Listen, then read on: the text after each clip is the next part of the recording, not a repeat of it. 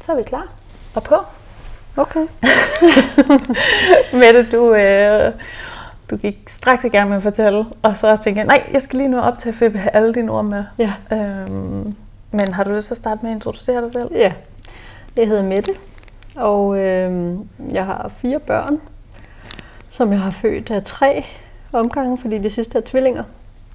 Øhm, og øh, jamen, jeg tænker måske, skulle jeg bare starte med den første mm. fødsel. Ja, du var lige sådan, hvad var det nu for en fortælling, jeg havde dengang? Ja, ja. præcis.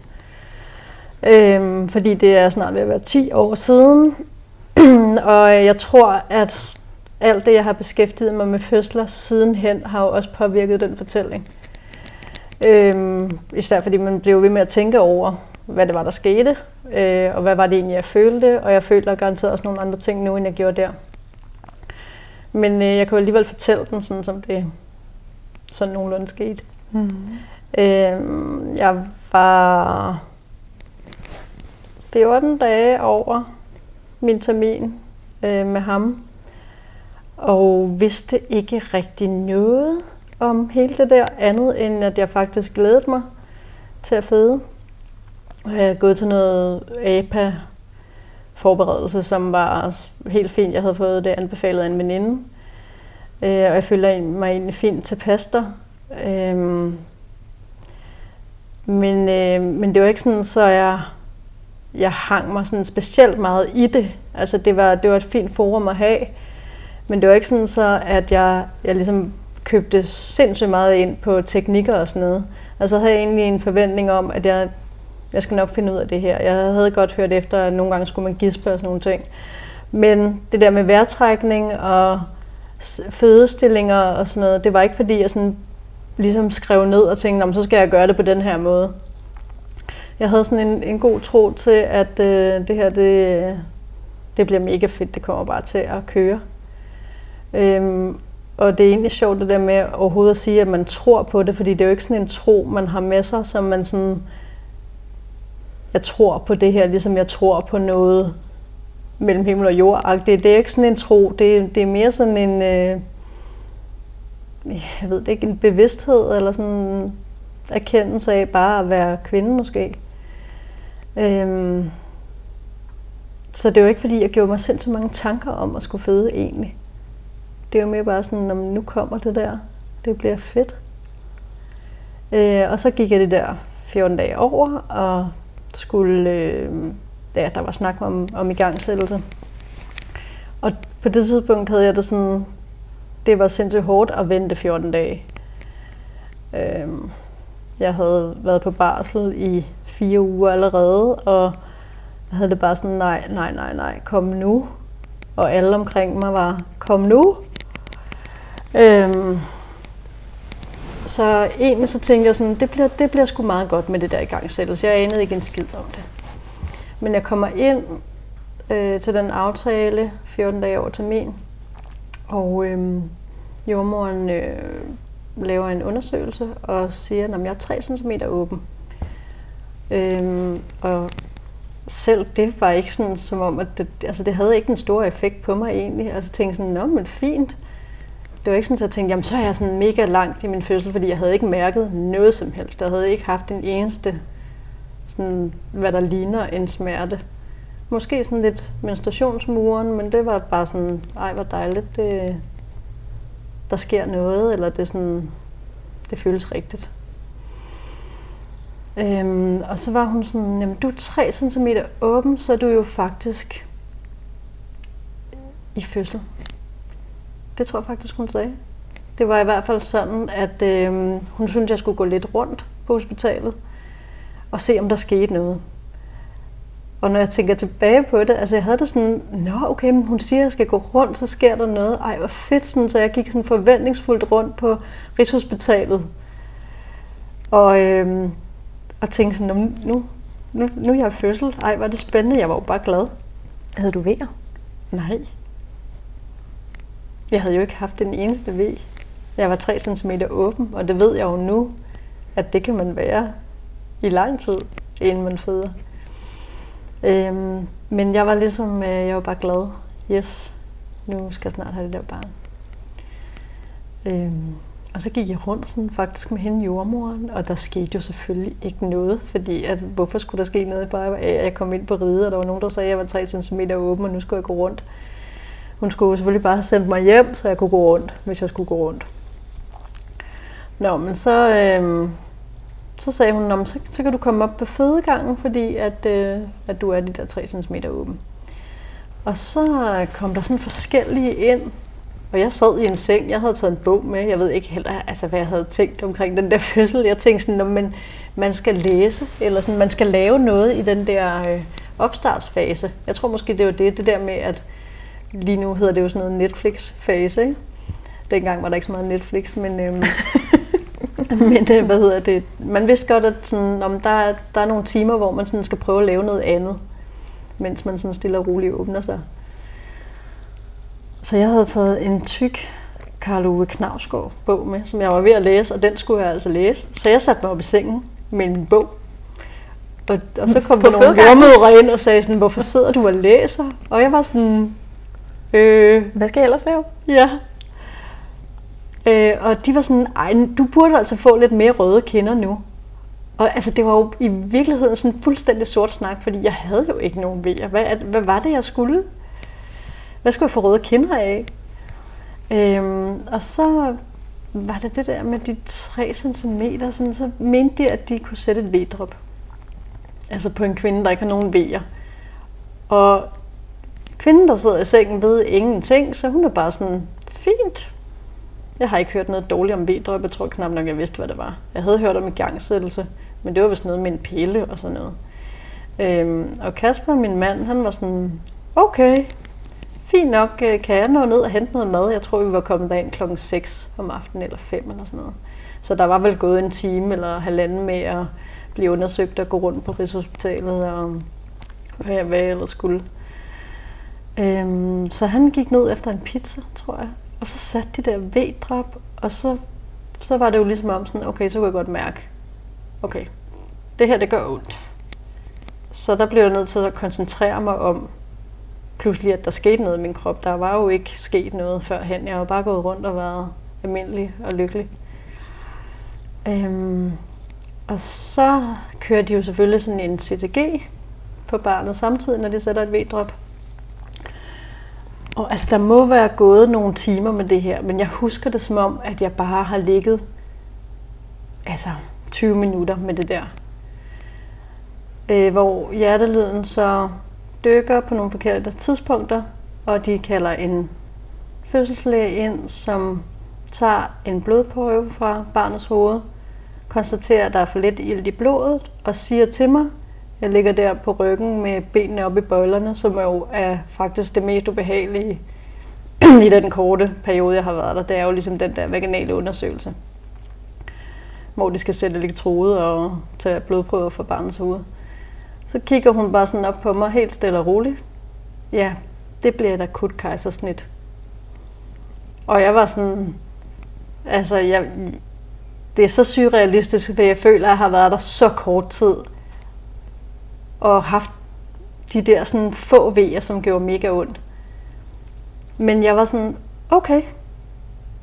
Altså jeg, jeg husker ikke, at jeg havde sådan noget specielt imod det lige der. Det var som om, at sådan alvoren i hendes stemme og blik sagde bare sådan, det er det, vi gør. Kasper blev mega bange. Han fik jo kastet sådan et øh, en gang øh, hospitalstøj i hovedet og skulle skynde sig at tage det på og bare følge med, fordi at jeg blev kørt afsted øh, i den der hospitalseng, nærmest med Carlo Knavskov i hånden stadigvæk. Øhm, og så blev jeg simpelthen sprættet op og fik, øh, fik mit barn sådan hen til mig, men ikke på mig. Det var, det var Kasper, der, der fik, fik ham og sad ved siden af mig, men han kom ligesom sådan fra mit hoved, hovedsiden. Hvordan havde øh, drengen det, da han kom ud? Han havde det godt. Der var ikke noget. Øh, jeg hørte ham skrige sådan ganske kort tid efter han var kommet ud, og de var alle sammen sådan... Øh, det er rigtig fint, og alle var glade. Og, altså, og jeg følte mig egentlig også sådan virkelig godt taget imod. Altså, der var sådan, man kunne godt mærke det der drama, der er ved, at der pludselig står sådan 10 mennesker inde på en fødestue, og alle har nærmest allerede deres operationsudstyr på, og der kommer ind en hen og spørger om de CPR-nummer. Og, altså, det, er sådan, det er som om, at de kommer op af en lem i gulvet.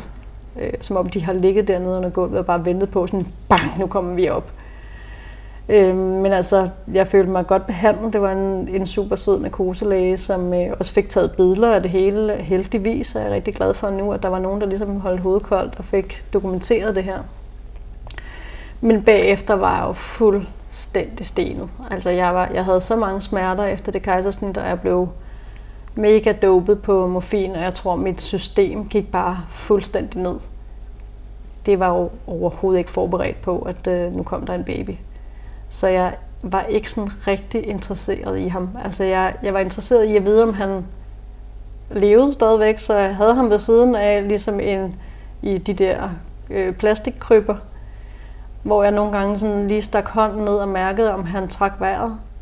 Og så, sådan, så blundede jeg væk i det der sådan morfin helvede igen, hvor jeg kan huske, at jeg vågner på et tidspunkt, og min svigermor står sådan og er kommet på besøg og jeg registrerer det krabben nok. Jeg, jeg er sådan, nå okay, jeg kan godt se, at hun ser sådan helt mærkelig ud i hovedet. Jeg tror, hun har forventet, ligesom jeg, at jeg sidder der med røde kinder med et lille barn, der ammer eller et eller andet, og det var overhovedet ikke scenariet. Det var ligesom, jeg lå bare sådan bedøvet. Og jeg kan også at jeg måtte kalde på, på personalet flere gange og sige sådan, jeg skal smertedækkes mere, fordi jeg er bare sådan mega ondt. Så jeg fik virkelig meget morfin. Øhm, det, altså den der vej ind i moderskabet gjorde simpelthen, at alt var svært. Altså det amningen gik rigtig godt, der var overhovedet ikke noget, men jeg var ikke specielt glad, og jeg var ikke specielt interesseret i min barn. Jeg var interesseret i, at han skulle sove, så jeg kunne få fred. Altså, øhm, og der gik alligevel sådan 4-5 måneder før, og det kan jeg huske, at jeg selv registrerede. Okay, nu, nu, øh, nu glæder jeg mig til, at han vågner, og jeg sådan, skal sådan have kontakt til ham og sidde og se på ham. 4-5 måneder, altså. Men i virkeligheden, så var det ikke noget, jeg tænkte så meget over der, fordi jeg vidste ikke, at man kunne have en anderledes fødsel. Jeg vidste godt, at man kunne føde vaginalt, og det var selvfølgelig det, jeg allerhelst havde ville, og det var da ærgerligt. Men jeg havde stadigvæk ikke hørt folk fortælle om den lykkerus, de får, når de, når de har født. Og det var noget, jeg sådan efterhånden begyndte at interessere mig for, og fandt ud af. Og der begyndte tankerne selvfølgelig også at, at sådan tumle rundt om, altså kunne det her have gået på en anden måde? Hvad var det egentlig, der skete? Men stadigvæk så er det jo en, øh, en proces, som har varet mange år, før jeg ligesom fandt ud af, hvor meget jeg faktisk har lidt under den fødsel, og hvor meget jeg er gået glip af, og hvor meget jeg er blevet misinformeret og, og behandlet på en helt forkert måde. Øhm, så da jeg skulle have mit nummer to barn, så havde jeg heldigvis en veninde, som er faktisk en god del veninder, der har sådan bragt mig på rette spor. Fordi jeg havde for det første en rigtig god veninde, min aller tætteste veninde, som jeg voksede op med. Jeg havde selv født ved kejser sin første gang, og det var sådan en øh, præterm fødsel i sådan noget uge 33 med et barn, der lå på tværs. Så der var ligesom ikke så meget. Sådan, det, det var efter bogen, det kejsersnit, kan man sige. Fordi han lå helt skørt og var selvfølgelig lille bitte. Men hun havde født vaginalt anden gang, og øhm, havde haft den bedste oplevelse. Hun fortalte om den der fødsel, og hvor, hvor sindssygt det havde været, hvor fedt det havde været, og hvad hun havde gjort. Og, altså hun, hun fortalte fuldstændig detaljer om, hvordan hun var faldet i søvn mellem vejerne, og, og alle de der ting, der sådan, gud, ej, der er virkelig en verden, der åbnede sig for mig der. Og samtidig så havde det sådan, Nå, men hvis hun har født vaginalt, så skal jeg jo også det. Altså, jeg var ikke i tvivl om, at det var det, jeg skulle. Det var ikke, fordi jeg tænkte, sådan, så skal jeg bare have et kejsersnit igen, eller okay, det, det kommer til at gå sådan her dårligt, og de sprætter mig op igen. Jeg tænkte, men jeg skal bare føde. Øh, så jeg op på hesten igen, og jeg glæder mig. Og så var der en anden veninde, som sagde til mig, hey, du skal prøve at kigge på de der private jordmøder. Hun kendte en, der havde født med Anne Ruby, og hun kendte dig, øh, gennem en veninde. Og øh, så begyndte jeg at kigge lidt på det der private jordmor og tænkte, hmm, det er det, jeg skal. Jeg skal have en med, som kan fortælle mig, hvad der er rigtigt og forkert i det her mærkelige system, fordi jeg, det var begyndt at gå op for mig, at det ikke var gået efter bogen. Selv ikke hospitalets bog var det gået efter. Der var et eller andet galt med den der første fødsel. Øhm, så jeg kan huske, at vi mødtes, og, øh, og jeg var med sådan, at jeg, jeg skal på hospitalet. Jeg tror faktisk nærmest ikke, jeg har hørt om hjemmefødsel før. Det har jeg måske, men det var i hvert fald ikke noget, der var inde på lystavlen overhovedet. Jeg havde mere bare sådan, jeg skal have en med, der skal være jordmor, som skal sige sådan, du skal den her vej. Der er ikke nogen, der skal, der skal stikke noget drop ind i mig, før at jeg nærmest er ved at dø. Øhm, så vi snakkede sammen, og jeg kan ikke huske, om det var allerede første gang, vi snakkede sammen, at du ligesom snakkede, begyndte at snakke om hjemmefødsel. Men i hvert fald så, øhm, så var det noget, Kasper jeg, vi, vi overvejede, efter vi har talt med dig. Øhm, og Kasper er mega støttende omkring alle de her ting. Han har ikke... Øh, altså jeg tror, han har tænkt sådan, det, du skal gøre det her, sådan som du vil, og du skal have en god fødselsoplevelse, fordi han har jo helt klart også mærket efter af det kejsersnit, uden måske at være sådan super bevidst om, hvad der var, der var sket, og hvad for nogle processer der var, så kunne han godt mærke, tror jeg, at det var en anden person, der pludselig havde et barn. Det var ikke sådan helt den samme person, der var der før. Øhm. Så vi snakkede om det der, og jeg tænkte sådan, det lyder sgu ret godt. Øh, så det planlagde vi. Øhm. Og vi snakkede rigtig meget. Jeg tror, vi snakkede mest om mit første fødselsforløb rigtig mange gange, hver gang du var her. Og om, hvordan man blev behandlet på hospitalerne, og hvordan det bare ikke skulle gå den her gang. Øhm, og den, altså jeg tror, det har jo været en kæmpe, kæmpe hjælp i forhold til hele min historie. At have en jordmor og have den samme jordmor, og få fortalt og fortalt og fortalt og få snakket og snakket og snakket om det forløb, som, som jeg tror først jeg rigtig forstod, da vi begyndte at tale sammen. Øhm, og jamen, så skulle vi have den her hjemmefødsel. Øhm, og det er egentlig sjovt, fordi når, nu beskæftiger jeg mig rigtig meget med fødsel nu. Og når man tænker på, hvor meget planlægning der også er omkring en hjemmefødsel, så husker jeg egentlig vores sådan, planlægning som sådan ret afslappet. Altså, der var ikke så meget... Jeg tror, du sagde, at vi skulle have noget afdækning til, til en seng og, øh, og en masse puder. Og så skulle vi have et fødekar, hvis jeg gerne ville føde i vand, og det fik vi fremskaffet.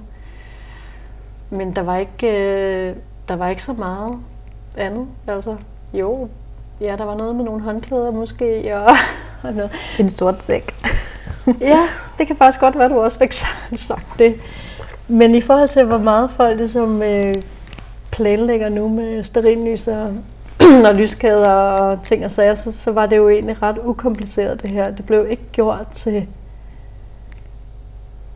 til en stor ting på den måde. Øhm, og det synes jeg egentlig, altså jo mere jeg tænker over det, jo mere synes jeg, at det var en helt rigtig forberedelse for at komme ind til kernen af, hvad det egentlig vil sige. Altså hvad er det egentlig, vi skal? Vi skal føde, vi skal igennem den her transformation, og det, øhm, det afhænger selvfølgelig af stemningen rundt om, men, men øh, allermest så handler det om de personer, der er der.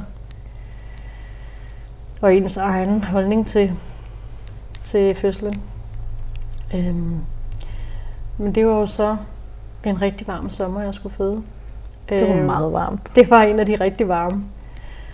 Og øhm, min søn, som på det tidspunkt var tre år, han skulle faktisk den dag, jeg så skulle føde, der skulle han tilfældigvis ud til min mor. Så det passede meget perfekt. Og, øh, og vi havde sådan lidt snakket om, at han kunne måske godt sove der. Om morgenen vågnede jeg og havde haft sådan lidt noget, jeg troede var noget ved noget, uden at være helt sikker, fordi jeg i virkeligheden på en måde var førstegangsfødende og havde ikke prøvet at have en naturlig vej. Så, øhm, så jeg gav min mor, hun kom og hentede min søn, og jeg gav hende dynen og sådan noget med til ham, så, fordi jeg havde sådan en fornemmelse af, at det, det bliver måske i dag. Og så skulle jeg faktisk bare ned på apoteket og hente noget K-vitamin, som vi skulle give den her hjemmefødte baby øh, oral, så vidt jeg husker, det var nogle dråber, som øh, man skulle bestille hjem til apoteket. Så de var så kommet, og det var jo perfekt. Så jeg tog bussen ned til Christianshavn i det her sindssygt varme vejr. Altså allerede klokken 8-9 om morgenen var det jo altså 28 grader. Øhm, og hele den der bustur, der sad og kiggede på det der display med ur i bussen og talte noget, jeg troede var vejr. Og var faktisk ganske sikker på, at det var det. Øh, men jeg havde det super fint med det. Det var, um, det var egentlig meget sådan afstressende, og så kigge på det der ur og bare sådan stille og roligt tælle. Og jeg var inde på apoteket, der havde jeg også nogle vejer, og alt var roligt, og der var ikke nogen, der sådan kiggede på mig og tænkte, åh oh, shit, der kommer en fødende kvinde der. Så alt var bare sådan virkelig dejligt. Og jeg fik taget bussen hjem igen, og så var det, jeg ligesom kom i den der sådan, hey, nu er det, jeg skal lave noget andet, fordi nu skal jeg, sådan, nu skal jeg se en film, eller så lå jeg på, på sofaen og kunne ikke rigtig sådan alligevel lave noget andet end lige at kigge på det der ur og tælle de der vejer. Og jeg var faktisk stadigvæk sådan lidt, altså er det her nede, eller hvad? Og så ringede jeg til Kasper, og sagde sådan, jeg tror måske, at, øh, at jeg skal føde i dag. Og han var sådan, om skal jeg komme hjem? Og, og jeg tænkte, nej, du, du behøver ikke, du skal ikke skynde dig. Du, må gerne, du kan godt komme hjem, men, øh, men du kan godt købe lidt på vejen, hvis det er. Og så, så fik jeg sådan, så kunne jeg godt mærke, okay, nu sker der noget lidt mere. Jeg sætter mig på en fødebold, eller sådan en øh, pilatesbold, og ruller lidt rundt, sådan stille og roligt, og så ringede jeg til dig. Øhm, og eftersom jeg ligesom bare talte helt almindeligt, så, så tror jeg bare, at du sagde sådan, om, okay, men når du sådan ikke kan tale mere, så ring lige igen. Og så ved jeg ikke, altså det er jo som om, at den her tid, den er afkortet på en eller anden måde, fordi der må være gået flere timer. Den var ni, da jeg tog ned til apoteket, og nu var det sådan, nu var klokken et eller to, så noget, noget tid må det være gået, og jeg kan bare ikke huske, hvad jeg lavede. Altså andet end at bare være. Så kom Kasper hjem, og der sad jeg, sad jeg stadigvæk på bolden ved vores spisebord og lavede et eller andet, læste en bog, eller kiggede ind i min computer, jeg kan ikke helt huske det. Men så gik der ikke ret lang tid efter, han, jeg tror, han lige var kommet ind ad døren og havde, var begyndt at sætte nogle ting ind i køleskabet. Hvor jeg tænkte, okay, nu gør jeg noget hak med ondt. Og så var jeg sådan, hvad er det nu, jeg skal gøre nu? Ud i brusebadet og bruse mig med en varm bruser. Og der stod tilfældigvis sådan en bubbles-ting, som børnene, eller som øh, vores søn brugte til at lege på. Og den sad jeg på, og lige der, der kunne jeg ikke andet end at bruse mig, og sådan, og trække vejret. Og Kasper kom ud, og så var han sådan, nå okay, hvad, hvad, hvordan går det? Og så var jeg sådan, jeg tror, du skal ringe til Christa nu, fordi, og du skal bare sige til hende, at nu kan jeg faktisk ikke tale og jeg brusede og brusede, og jeg rykkede sådan rundt med benene og prøvede sådan at finde ud af, hvad fanden skulle jeg gøre, og jeg måtte bare trække vejret. Og det sjove er, at jeg kan heller ikke huske, at vi sådan rigtig har talt om i vores forberedelse, at jeg skulle bruge en særlig teknik eller noget. Og, og jeg kan også bagefter eller sådan, tænke over, sådan, jamen, hvorfor var det egentlig ikke, vi talte om sådan vejrtrækningsteknikker og sådan nogle ting. Men samtidig har det sådan, jamen, men det er jo fordi, man godt ved, hvad man skal gøre. Hvis man lader være med ligesom at få tudet ørerne fulde af, at du skal gøre noget bestemt. På det tidspunkt skal du gøre noget bestemt, og når du så kommer dertil, så skal du gøre noget andet, og husk nu at trække vejret på den eller den måde, og husk nu at slappe af og sådan noget. Jeg er sikker på, at der er nogen, der har brug for det, men jeg er også sikker på, at du måske er dygtig nok til at aflæse folk og, og vide, hvor meget skal du egentlig sådan proppe på folks forberedelse. I hvert fald så, øh, så trækker jeg bare vejret. Og der var ikke på noget tidspunkt, at jeg gik i panik eller noget. Det var stadig med den der følelse af, okay, det her det, det er for vildt, fordi det er, sådan, det er en fødsel. Og nu skal jeg opleve det der. Og Kasper var sådan, wow, okay, jeg, jeg skal skynde mig og fylde vand i det der kaffe, fordi nu sidder hun derude og bare sådan, wow.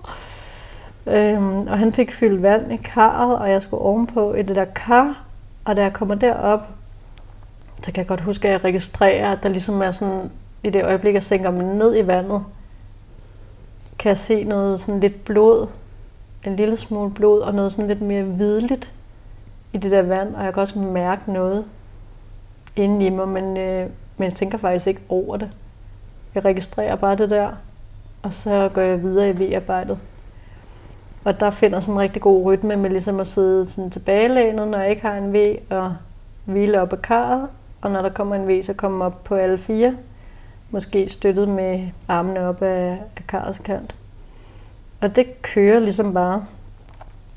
Og igen, så må der jo være gået nogle timer, fordi at jeg tror klokken er 6, da du kommer.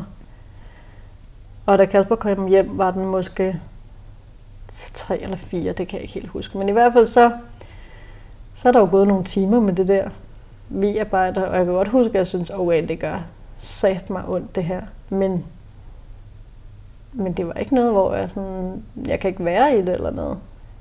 Jeg havde det hele tiden sådan, at det er jo det er godt det her, det er rigtig godt. Og så lige inden du kommer, der kan jeg bare mærke, nu, nu tror jeg, jeg har sådan en pressetrang. Og så begynder jeg at gispe, fordi det er det eneste, jeg kan komme i tanke om lige nu. Det er sådan, for det første, det er det sådan, jeg kan ikke allerede være der, hvor at nu skal jeg føde. Det, det, det kan simpelthen ikke være rigtigt. Jeg bliver nødt til at gispe, jeg er der ikke nu. Og Christa er der ikke, så jeg sidder bare... Øhm, og du kommer op ad trappen, og så er du sådan, Mette, hvorfor gisper du? Og så sådan, det ved jeg ikke. jeg kan heller ikke rigtig huske, hvad jeg svarer dig. Og så tror jeg bare, at du tager sådan et spejl og kigger ned i vandet. Og sådan, men du er klar, eller hvad du nu siger. Jeg tror, du er klar til at, at presse. Prøv at mærke med hænderne, og så mærkede jeg med hænderne, og mærkede hans hoved, og bare sådan, okay, hvordan kan det lade sig gøre, at jeg sådan gået igennem den her dag, og nu står du foran mig, og nu skal jeg føde. Og så har jeg en masse presse ved jeg sådan over lang tid, som sjovt nok i starten husker jeg dem som mere noget, jeg ikke kunne ignorere. Men efterhånden så er det som om, at de bliver sværere, og, og du siger sådan, prøv at presse med. Og jeg gør alt, hvad jeg kan for at presse med på det der. Jeg kan godt mærke, det er ligesom hvis man er på toilettet og prøver at forsere noget. Den er der ikke sådan rigtig. Og så på et tidspunkt siger du, okay, men du bliver, du bliver lige nødt til at komme op af karret desværre, fordi vi skal lige se, hvordan han står. Fordi det er lidt mærkeligt, at, at der ligesom ikke sker mere. Øhm, og så kommer jeg op, og det er jo noget i den der fødsel, som, som faktisk er det slemmeste. Det er at komme op af karret, lægge sig ned på noget, der ikke er vand, og blive undersøgt. Øhm, men du siger sådan, at han står fuldstændig som han skal. Der er virkelig ikke noget til hænder for, at han skulle komme ud. Og så tager vi nogle pressevæger, hvor jeg skal prøve at... Du holder mit ben, og jeg skal sådan sparke imod og bruge den styrke til at, at presse med. Og altså, det, det er som om, det, det kan jeg ikke. Det er ikke. Der er ikke den der sådan sindssyge pressetrang, hvor der bare kommer sådan et tog igennem kroppen nedad.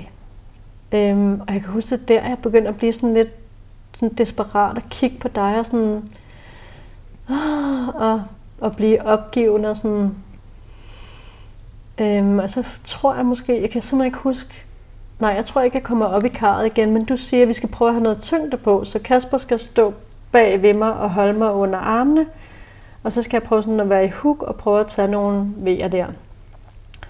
Og det er der, hvor det begynder at gøre ondt et andet sted. Altså det begynder at gøre ondt højere op på maven, i stedet for nede omkring kønsbenet måske, hvor det har gjort ondt før.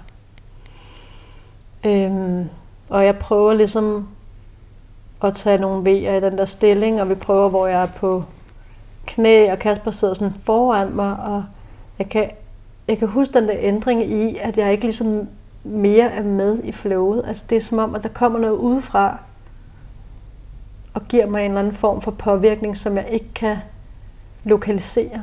Jeg kan ikke arbejde med den. Jeg, jeg er mere bare sådan, Åh, jeg vil få mig væk fra det her, eller tage det der væk. Så jeg, meget, jeg husker mig selv som meget sådan, Altså mere sådan klynkende og ja, ikke rigtig mig selv. Og så spørger du, men hvor er det, det gør ondt henne? Og det er så der, jeg siger, at det gør ondt sådan heroppe, faktisk næsten op ved min ribben. Og så siger du, okay, Kasper, du skal ringe efter en ambulance og sige, at vi har, ja, jeg ved ikke, hvad du siger, om vi har en med tidligere kejsersnit, som skal overflyttes. Øh, og jeg er sådan, nå okay, lidt, lidt ligesom sådan den første fødsel, hvor jeg får at vide, det her bliver et kejsersnit, så har det sådan, okay, der sker noget andet, sådan temposkift, situationsskift, øh, eller hvad man skal sige, stemningsskift. Så jeg sådan så fortørrer mig lidt og tage sådan en eller anden sommerkjole på, som jeg har haft på nærmest sådan den sidste måned i min graviditet. Sådan helt tynd lille ting. Og ikke nogen trusser, så vidt jeg husker, så var det bare noget med at få den der på og gå ned ad trappen. Og jeg kan stadigvæk sådan gå rundt, det er ikke sådan, at jeg er ved at falde om. Jeg kan stadigvæk tage de der ved og være sådan rimelig okay. Jeg kommer ned ad trappen. Og så kommer jeg ud, og det er mega sommeraften. Og alle vores naboer render rundt udenfor med bare tær. og der holder en borg uden for vores øh, hus. Og som jeg lægger mig op på, jeg kan bare huske de der naboer, der bare står med åben mund og kigger sådan, wow. Og vi bliver rullet ud ind i ambulancen, og Kasper sætter sig ind på forsædet og snakker med ambulanceføreren, og du sidder sammen med mig, sammen med en anden ambulancefører inde bagved. Øhm, og jeg ligger på siden, og de der ved er jo sindssygt hårde, fordi jeg ligger på siden, og det er det mest ukomfortable, forfærdelige måde at tage vejer på. Jeg må bare sådan være inde, helt inde i mig selv. Øhm, og du sidder sådan oppe ved mit hovedgære, tror jeg. Og jeg tror også, jeg får lagt noget drop eller et eller andet, mens jeg er der, kan jeg simpelthen ikke huske. Men i hvert fald så kører vi mod Rigshospitalet. Øhm, men stadigvæk har jeg da sådan, det gør pisse ondt, det der vejer, men jeg er ikke sådan bange på den måde. Jeg er sådan, nå, nu må vi se, agtig. Jeg skal bare overstå de der ved, mens jeg ligger på det her. Følelsen helt hårdt og, og jo klinisk det der, i forhold til at komme fra sådan et, et dejligt fødekar. Øhm, og så kommer vi ind. Jeg husker bare ligesom at komme ind i Rigshospitalets kælder, i det der grå beton, og noget meget skarpt lys, og en masse mennesker, der tager imod mig. Og vi bliver kørt op et eller andet sted, og der husker jeg stadigvæk bare, at en masse mennesker. En masse mennesker, der står og diskuterer sådan fra, fra min mave ned efter. Og jeg er ligesom et hoved, der ligger oppe i den anden ende, sådan lidt i mørke, og prøver at følge med, fordi jeg har stadig de der halve pressevejer, som bare sådan gør ondt oppe i maven, i stedet for nede. Og jeg kan ikke rigtig presse med, jeg kan sådan presse lidt med, og alligevel ikke. Og jeg kan huske, du siger, det ville være rigtig godt, hvis hun kunne føde vaginalt. Og de står og diskuterer og diskuterer, og siger, at han er glædet op igen. Han er glædet væk, ligesom fra, fra åbningen. Og jeg ved jo godt, at der er den der lille risiko for, for ruptur i livmoderen, når man har et kejsersnit i forvejen, men det er heller ikke noget, vi har talt så meget om. Altså jeg husker faktisk ikke, at vi har talt om det sådan rigtigt. Du har sagt, selvfølgelig er der nogle ting, når man er tidlig kejsersnit, men man kan sagtens føde hjemme og så videre. Øhm. Og så, altså jeg tror på det tidspunkt, der er sådan, få mig ud af det her altså jeg orker ikke den der smerte, jeg vil sådan bare tage den væk.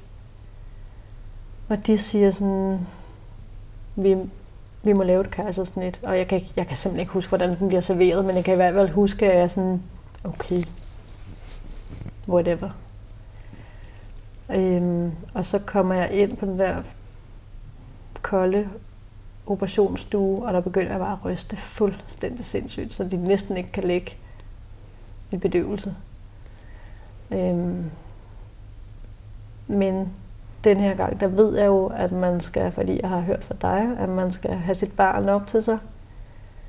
Og man skal lugte til det, så hormonerne kan gå i gang med at virke. Og det øh, ligger bare og siger til dem, kom, kom med ham, kom med ham, kom med barnet, kom med barnet.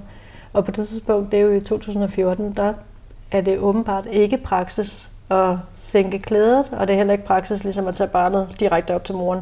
Så hun kommer stadigvæk med stokken bagfra et eller andet sted. Men fordi jeg bare ligger og råber, jeg skal have ham, jeg skal have ham, så kommer han op og ligger hos mig, og jeg tager den der åndssvage hue af, og bare ligger og sådan inhalerer det der barn. Øhm, og du måtte jo desværre ikke komme ind til kejsersnittet, men du kom så på opvågning. Øhm, og der kan jeg bare huske, ej, hvor er jeg glad for, at det har en jordmor, som kommer ind og sådan har set det hele. Og man ser mine ben med Arnika, og, åh, og jeg får mit barn, når han ammer, som, ja, som den første også gjorde, så det har der heldigvis aldrig været nogen problemer med. Øhm, og der tror jeg stadigvæk, jeg er i den der sådan adrenalin, halve adrenalin, og så noget endofin også, fordi jeg bare sådan har fået det der barn, og jeg ligger snuset til ham sindssygt, og han ammer, så jeg, vi har et eller andet glædes hormonkørende, trods alt. Øhm, ja, og det er jo sent om aftenen efterhånden. Og øhm, du har glemt din oplader til din telefon. Så du skal lige have opladet din telefon, og du får opladet din telefon, og det, nu er det blevet mørkt, og så går du hjem, og Kasper og jeg bliver der på, på ride et stykke tid, og så tager han sig hjem. Tror jeg. Ja, det gør han, fordi han skal hjem til vores søn. Og jeg ligger der på sådan en firmandsstue, øhm, faktisk nærmest nøgen, fordi det jo simpelthen stadigvæk er 30 grader midt om natten. Øhm, og jeg ligger bare i sådan nogle af de der hvide net hospitalstrusser, og, jeg, og han ligger ved siden af mig, og lige der, der har det sådan, han skal ikke ligge den der åndssvage sådan skraldespand af en vugge, de, som de kører rundt med på hospitalerne. Så jeg får på en eller anden måde, mystisk måde, møde det der barn over, men når man har et kejsersnit, så er det altså meget, meget svært bare at vende sig til siden. Altså man kan ikke engang, du kan faktisk nærmest intet det første døgn. Men jeg ved, jeg ved simpelthen ikke, hvor det der kræfter kommer fra, men i hvert fald så får jeg ham bukseret op, og så ligger han i, i det der skøre, skarpe hospitalslys. Altså der er slukket lys, men de har også nogle, nogle lamper rundt omkring op i loftet, sådan, så man kan, kan komme rundt, selvom det er mørkt. Men jeg ligger i det der lys med ham på maven og bare sådan mega glad. Altså, jeg er sådan helt, ja, jeg ligger med det der barn, og jeg får ikke lukket et øje, men jeg er sådan fuldstændig ligeglad. Øhm. Ja. Og hvad er læren af det?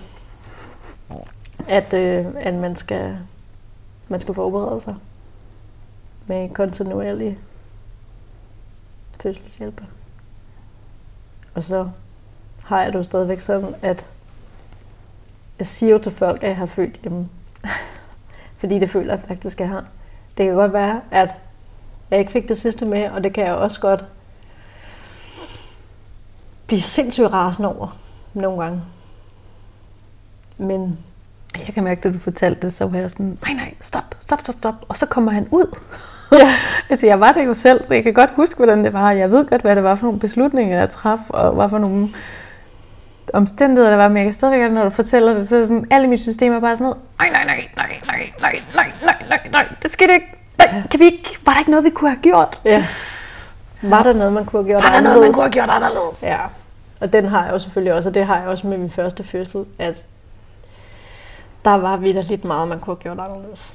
Øhm, men med det her, der kan man sige, at det er jo en af de risici, der er ved en hjemmefødsel, det er, at man kan blive overført, og det kan man også, selvom man har fire naturlige fødsler i bagagen, så kan man stadigvæk blive overført. Så det er ligesom en præmis, man må gå ind på.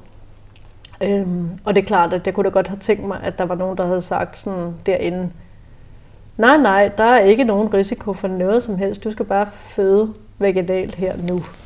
Og gør det så, dame, selvom du jeg kan huske, at vi snakkede om det her for ikke så lang tid siden. Vi har jo snakket om din fødsel nogle gange efter i de her år, der er gået. Ikke? Også med med tvillingerne. Og, men så, øh, så sagde du, at han, der lavede snittet, eller hende, der lavede snittet på dig, sagde, at der faktisk overhovedet ikke var ruptur. Der var noget, der havde bevæget sig, men du var ikke i nærheden af en ruptur. Og det, så blev jeg jo endnu mere forbandet. Det er det. Fordi hvorfor, hvorfor er den lille dejlige unge øh, hoppet op igen? Og Det er jo sådan en ting, som jeg ikke forstår. Fordi jeg husker, at han havde bevæget sig op, inden vi tog afsted. At det var det, jeg reagerede på. Din, dine smerter, dit smertemønster, der var helt anderledes. Dit V-mønster, som var blevet meget mere uregelmæssigt. Og han havde flyttet sig væk. Mm. Fordi du havde kunne mærke ham, og lige pludselig så var han bare ret højt op igen. Mm. Ikke? Altså nogle gange tænker jeg jo, at barnet gør det, som er bedst for det selv derinde i maven, så længe man er i det arbejde. De bestemmer ikke, at der er nogen, der kommer og lægger et snit. Så vi kan jo heller ikke vide, var han ligesom, hvis han fik lov, kommet ned igen. Og det er selvfølgelig sådan nogle ting, man tænker, åh, det kunne da være dejligt, om man havde prøvet det. Men jeg var jo heller ikke selv i stand til ligesom at sige til det personale, der var rundt om mig, jeg vil gerne prøve at komme op igen. Det var jeg ikke. Og det øh, er jo bare ærgerligt, måske. Og, og så har du sådan med det der med ham lægen, der sagde, at der ikke var nogen øh, noget tegn på ruptur. At på den ene side, så er det sådan, det havde jo været en god grund til at snitte mig op.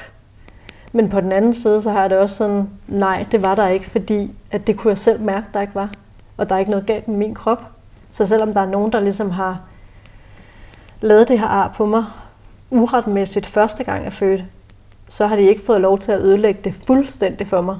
Jeg skulle ikke ud i en livstruende situation på grund af nogen andre. Der var ikke nogen, og man er bare, altså der var ikke nogen øh, ligesom risiko for det. Der var en risiko, men det var ikke sket. Mm. Det var ikke tæt på. Øhm, så jeg har stadigvæk haft min hjemmefødsel med god grund og uden at sætte mit liv på spil. Ja. Og nu er du selv fødselshjælper, så derfor så, så kender du den her leg, som jeg leger som fødselshjælper lige nu. Jamen, ej, kunne det ikke være fedt, hvis jeg havde vidst det om dig, at du følte, at du var i en situation, hvor der ikke var nogen risiko for ruptur. Ja, ja, det kan godt være, at der er det på et teoretisk plan, men det er ikke det, der sker med min krop lige nu. Fordi det var jo det, som jeg som fødselshjælper kom med. De tegn, som jeg har lært, der er nogle af dem nu. Det føler jeg en grund til at sige, at det skal vi reagere på. Og hvor kunne det bare være fedt, hvis jeg som fødselshjælper havde været bedre, eller skarpere, eller hvad, hvad der nu skulle til for at vide, at du var et sted, hvor, hvor du følte, at der var ikke. Det var så ikke det, der skete. Nej, ja, altså det forstår jeg godt, og, men jeg ved heller ikke, altså jeg har også svært ved at finde ud af, om jeg selv bare er ekstrem rolig, og øhm, altså jeg er aldrig bange for noget. Jo, det er jeg, men ikke i den verden. Altså for eksempel havde jeg jo også øh, havde jeg jo sagt til Kasper bagefter, det var vildt mærkeligt, da vi kørte ind på ride den der ambulance, at der kørte jo en ambulance ved siden af os med udrykning. Hvor han var sådan, ja, det var jo vores ambulance. kan jeg godt tosse, altså. Ej, hvor sjovt, der er udrykning. Ja, det er ja. også. Altså, jeg havde det jo ikke som om, det var jo ikke mig, der var i krise. Altså, det var ikke mig, der den ambulance kørte for. Jeg ved godt, vi kørte i en ambulance, men jeg var ikke klar over, at der var udrykning på. Altså, jeg havde slet ikke set, at det var der, vi var. Mm.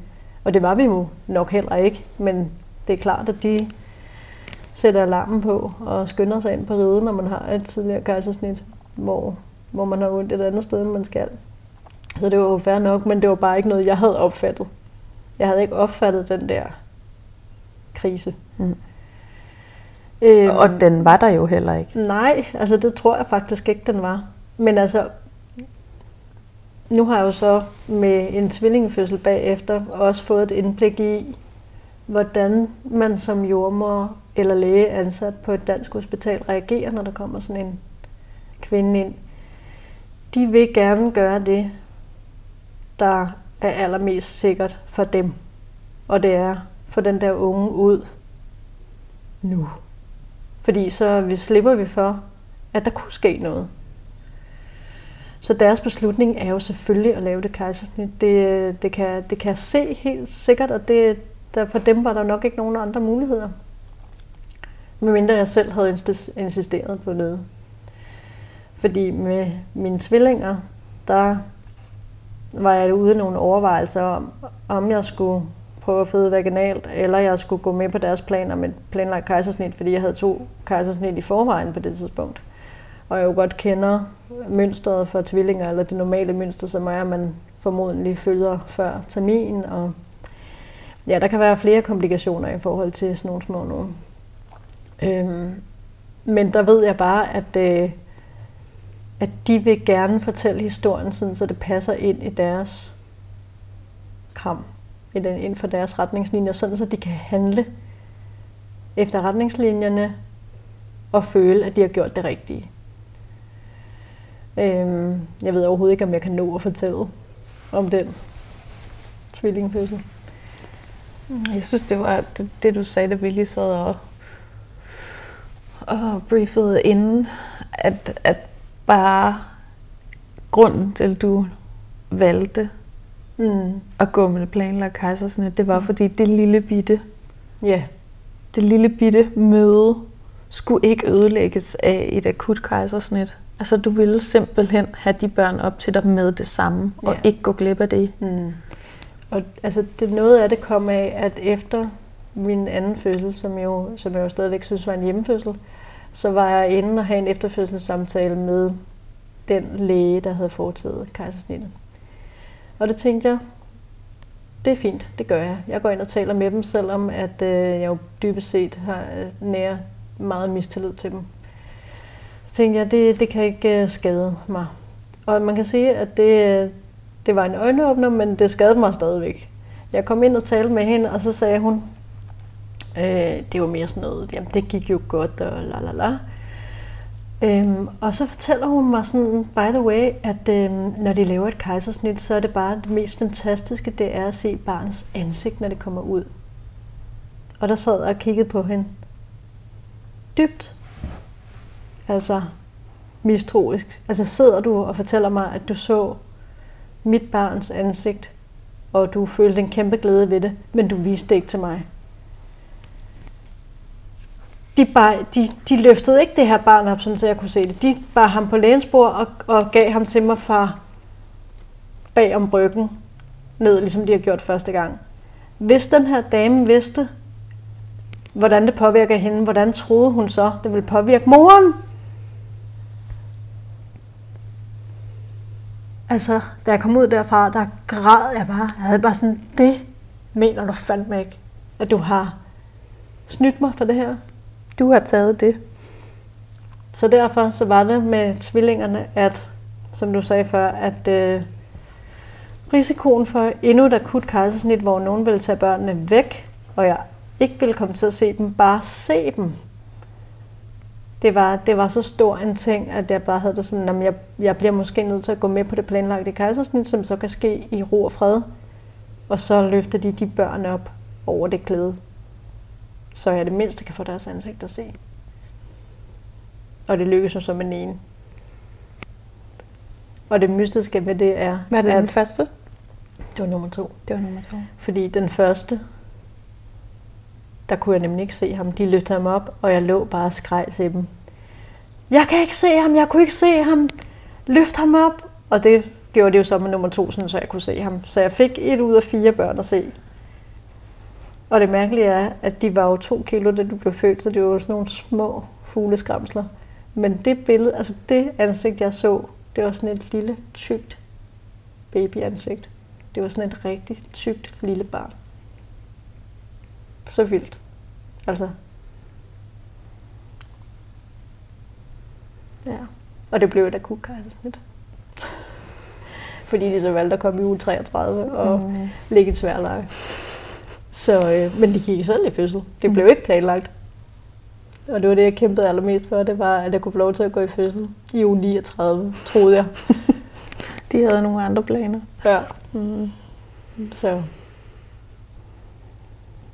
Så det er jo en, en lang kejsersnitsfortælling. Mm. Og hjemmefødselsfortælling. Ja. Og det er jo også, altså, det der er læren ved det er, synes jeg, at den måde, man, uanset om man så skulle ende i et akut kejsersnit, det man har gået igennem for inden, betyder noget. Den forberedelse, man har lavet, betyder noget. Og den måde, man har det lige efter sin fødsel, betyder noget. Og det, at jeg ligesom lå med vores nummer to Osvald på mig hele natten og havde den lykkefølelse og sådan følelsen af, at jeg havde taget ordentligt imod ham. Det gør faktisk, at han er den ene af de fire børn. Den eneste af dem, som jeg ikke har dårlig samvittighed over for nu. Jeg har stadigvæk også over for det små en dårlig samvittighed over ikke ligesom at være sammen med dem i den første time og to.